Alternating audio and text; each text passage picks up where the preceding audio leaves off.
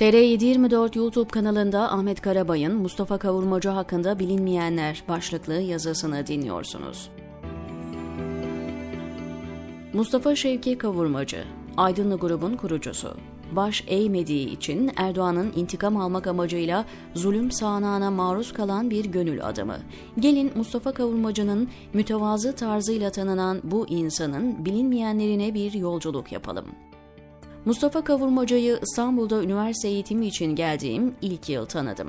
Onu tanıyan bir arkadaşım, gel seni bir iş adamıyla tanıştırayım. Öğrencileri çok sever dedikten sonra bana maliyetine yakın fiyatlarla veriyor. Giyecek almak istersen aynı şekilde sana da verir demişti. İlk fırsatta Fatih Fevzi Çakmak Caddesi'ndeki Aydınlı mağazasına gitmiştik. Mustafa Kavurmacı o yıllarda daha kırkına varmamış bir delikanlıydı. Arkadaşım tezgahın başında satış yaparken bizi tanıştırdı. Ayak üzeri sohbet ettik. Beni çok sevdiğini ve boş zamanlarımda yanına uğramamı söyledi. Bir ihtiyacın olursa buraya gel. Beni bulamasan da satış elemanı Hasan'ı bul. O sana gerekeni yapar diye ekledi.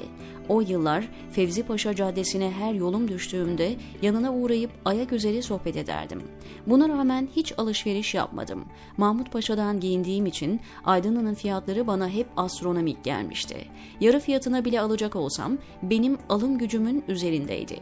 Kavurmacının hayat hikayesini gazeteciliğe başladıktan sonra öğrendim. Mustafa Şevki 1960'lı yılların başında Aydın'ın Karacasu ilçesinden üniversite eğitimi için İstanbul'a geliyor. İstanbul Üniversitesi İktisat Fakültesi'nde maliye ve sosyal siyaset üzerine eğitim görüyor. Babası Adnan Menderes'in hemşehrisi olmasına rağmen hep Cumhuriyet Halk Partisi'ne oy verirmiş. Sebebi de ideolojik olmaktan çok CHP'nin yerelde koyduğu adayı kendi değerlerine daha yakın görmesiymiş. Mustafa Şevki üniversite yıllarında Nur talebeleriyle yakın ilişki içinde olmuş. Üniversite yıllarında akademisyen olmak ister ancak hocaları çok sivri olduğu gerekçesiyle onu üniversitede kariyer yapmak yerine ticarete yönlendirmişler. Mustafa Kavurmacı sonraki yıllarda iyi ki beni ticarete teşvik etmişler diye hocalarına minnet duygusunu dile getirecekti. 1965 yılında babasının vasiyeti üzerine İstanbul'da bir manifatura üzerine iş yeri açıyor. İşleri iyi gidince de aileyi İstanbul'a taşıyor. Daha sonra Fatih'te 7 katlı bir bina alarak Aydınlı Giyim adıyla bir marka oluşturuyor. Mağazasına Aydınlı ismini vermesi de biraz ideolojik. Menderes idam edildikten sonra 1960'lı yıllarda Aydınlıların aşağılanmasına tepki olarak bu ismi tercih ediyor. Babasının üzerine bilerek hiç güneş doğmamış. Mustafa Kavurmacı da bu geleneği hayatı boyunca devam ettirdi. Akşam 11'de yatağa girer, uykuya düşkün olmadığı için de sabah 5'te kalkardı. Namazını kıldıktan sonra bir cüz Kur'an okur, ardından gazetelere göz atar ve okumak istediği yerleri okurdu.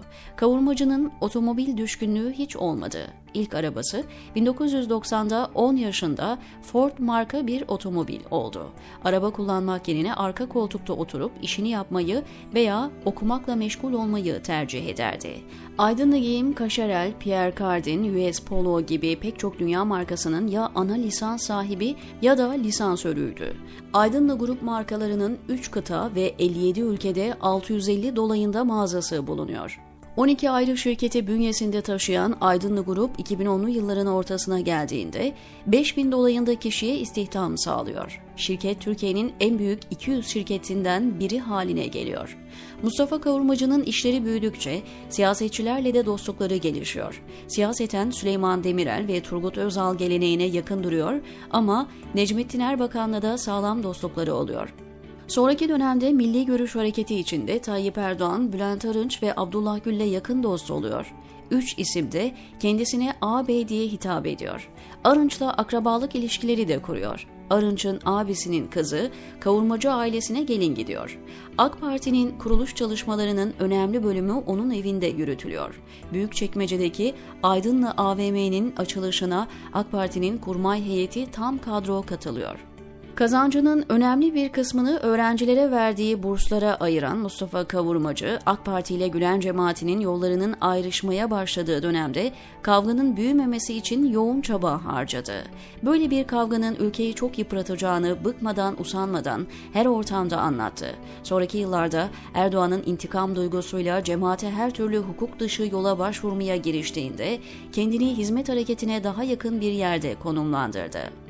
15 Temmuz 2016 darbesinden sonra küçük oğlu Ahmet Sait yurt dışına çıkmak zorunda kaldı baba Mustafa ve büyük oğlu Ömer Faruk Kavurmacı, Gülen cemaatine yakın İş Adamları Konfederasyonu TUSKON aleyhine açılan davada sanık sandalyesine oturtuldu. Baba oğul cezaevine konuldu. Baba kısa süre sonra serbest bırakılırken Ömer Faruk Kavurmacı, kayınpederi Kadir Topbaş'ın rehinesi olarak içeride tutulmaya devam etti.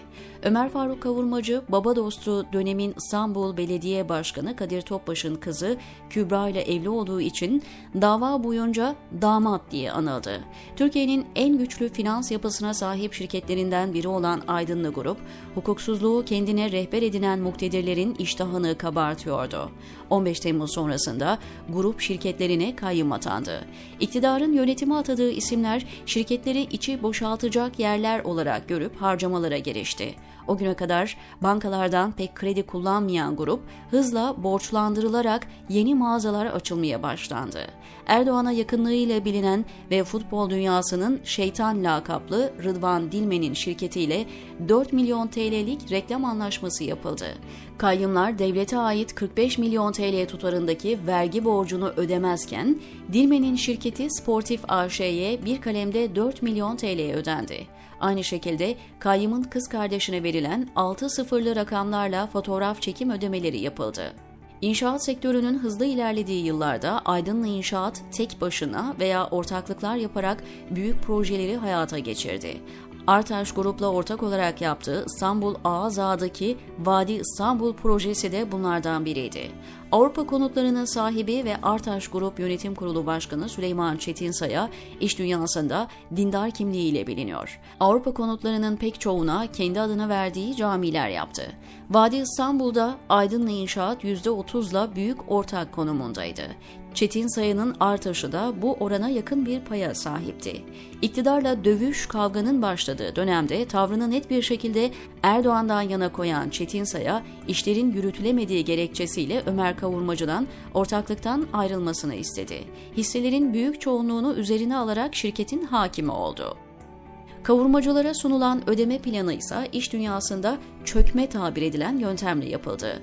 Aydınlı grubun ortaklığı yapılan yatırım üzerinden hesaplandı, ödeme ise satış bedeli üzerinden yapıldı. Dahası ödeme takvimi de ticari bölümlerin satışının gerçekleştirilmesinden sonraya bırakıldı. Büyükçekmece 2. Noterliğinin 21.10.2016 tarih ve 35.352 yevmiye numarasıyla gerçekleştirilen hisse devri ise Alzheimer başta olmak üzere sağlık sorunları olan Mustafa Kavurmacı'ya imzalatıldı. Bu hisse devir işleminin geçersiz olduğu gerekçesiyle Bakırköy 6. Asliye Ticaret Mahkemesi'nde TMSF ve kayyumlar aleyhine iptal davası açıldı. Mustafa Kavurmacı, oğlu Ömer Faruk'un Silivri'de olduğu dönemde her hafta ziyaretine gitti. Sara hastalığı bulunan oğluna moral desteği vermek için yaşlı ve hasta olmasına rağmen ziyaretlerini hiç aksatmadı. Silivri'de tutulduğum sıralarda eşim ve çocuklarımla da sık sık karşılaştılar. Uzun süre ziyaret, gün ve saatleri denk geldi. Sık sık selam gönderdi. Mahpusluk hayatının zorluklarına katlanmam ve zamanı iyi değerlendirmem konusunda bana unutamayacağım tavsiyelerde bulundu. Kapalı görüşlerde kabinde yakınlarımla konuşurken gördüğümde hep bu zalimlere boyun eğmediğim için beni tebrik ettiğini eşimden iletmesini söyledi. Tahliye olduktan sonra kaç kez ziyaretine gitmek istedimse de Mustafa Bey'den kaynaklanan nedenlerden ötürü bir türlü zaman ayarlaması yapamadık. Hayatında mahkeme yüzü görmemiş olan Mustafa Kavurmacı, hukuk tanımaz zalimlerin talimatıyla 9 yıl 4 ay hapse mahkum edildi. Kavurmacı 2020 Şubat ayında 23. Ağır Ceza Mahkemesi'ndeki savunmasında aynen şunları söyledi. Muhterem heyet, hayatta insanı yaşatan değerler vardır. İnsan izzetiyle, şerefiyle, Allah, peygamber aşkıyla, vatan sevgisiyle yaşar. Hayatımı ülkem için çalışarak geçirdim. duruşma çıkışında uzatılan bir mikrofona söyledikleri hiç unutulmayacak. Hayatımın hiçbir mevkiinde mahkemeyle muhatap olmadım. Çok alacaklarımı dahi mahkemeye vermeksizin sildim. Ben bu değerlerle yaşadım. Bu değerlerin yaşatılması adına müessesemde her türlü gayrete bigane kalmadım. Ama ülkemi, vatanımı, Türkiye Cumhuriyeti hükümetinin geleceğini bu ve buna benzer şeylerle meşgul edilmesini hiçbir zaman istemem. 81 yaşında dünya hayatına veda eden Mustafa Kavurmacı'nın o gün sözlerini bütün güzellikler inandığını yaşayan insanların olsun diye bitirmişti, diyor Muhsin Ahmet Karabay TR724'deki köşesinde.